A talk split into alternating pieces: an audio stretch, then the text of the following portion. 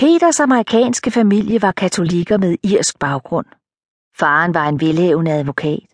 Moren var hjemmegående med en flok på fire børn. Hun var smuk, mørkt hår, veltrænet, blå øjne i et fint ansigt og en hvid irsk-amerikansk hud, som hun gjorde et stort nummer ud af ikke måtte blive solbrændt. Jeg er født hvid, og det vil jeg blive ved med at være, sagde hun altid, når børnene ville slæbe hende ned til stranden i Santa Monica uden hat. Faren var en klassisk amerikansk advokattype, velplejet, sporty, også mørkhåret, men med grå tændinger. Ægteparet George og Catherine McCartney kørte hver morgen klokken 6 fra villakvarteret lidt uden for Los Angeles ned til strandpromenaden i Santa Monica, hvor de joggede sammen med andre velhavere. Strandens hjemløse sad på græsset under palmerne.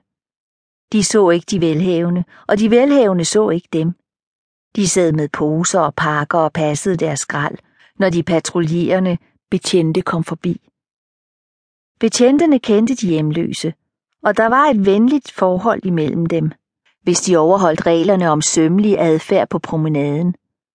Men når det var morgen, måtte de ikke sove på bænkene, kun på græsset. De unge velhavere løb med en lille klapvogn med deres børn i. Børnene sad i fint tøj med små solhatte på. Andre løb i smart løbetøj med hat eller kasket med solskærm. Når forældrene var kommet hjem fra løbetur ved syvtiden, samledes alle til morgenbordet, bad bordbøn, drak friskpresset juice og spiste æg, pandekager med banan og sirup eller cornflakes. Huset de boede i var i et plan med udendørs swimmingpool i en meget velholdt have, men ikke stort og pralende. Familien havde en hispanogartner, men ingen meksikansk hjælp i huset som mange af de andre villaejere. Catherine satte en ære i at gøre alting selv. Nogle gange kom hendes mor Mary Ann på besøg. En stor maskulin dame med svære sorte øjenbryn. Hele familien dirrede, når hun kom for at gå sin datters hjem igennem. Der skulle meget til for at få en lille latter eller et smil ud af mormor. Mor og datter havde et had-kærlighedsforhold.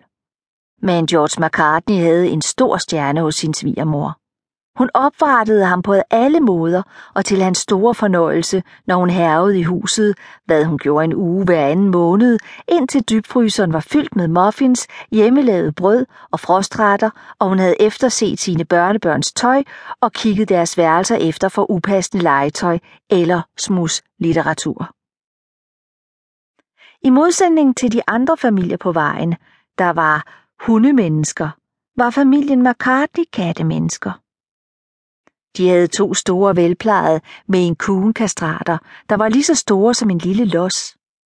De havde været hos dyrlægen, da de var små, og havde efter amerikansk manér fået fjernet deres klør, så de ikke ødelagde møblerne eller jagtede villavejens småfugle og var til gene for naboerne. Men vejens hunde havde de for længst fået krammet på. De fleste var bange for de to store katte. Men de elskede deres familie, også bedstemor Mary Ann, der i sit eget hjem havde et privat internat for vilde katte. Det skulle man ikke umiddelbart tro, når man så hendes renskurede skotske ydre.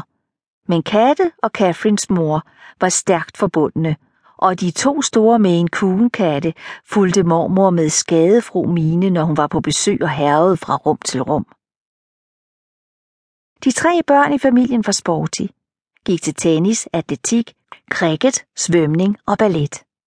Den ældste søn John, som nu var 14 år, havde allerede en mørk skygge på overlæben. Han havde altid været dygtig i skolen og et barn uden problemer. Men nu, hvor han havde fået elevatorstemme og kønsbehåring, hvis vækst han studerede i et forstørrelsesglas hver aften, var han begyndt at blive vanskelig.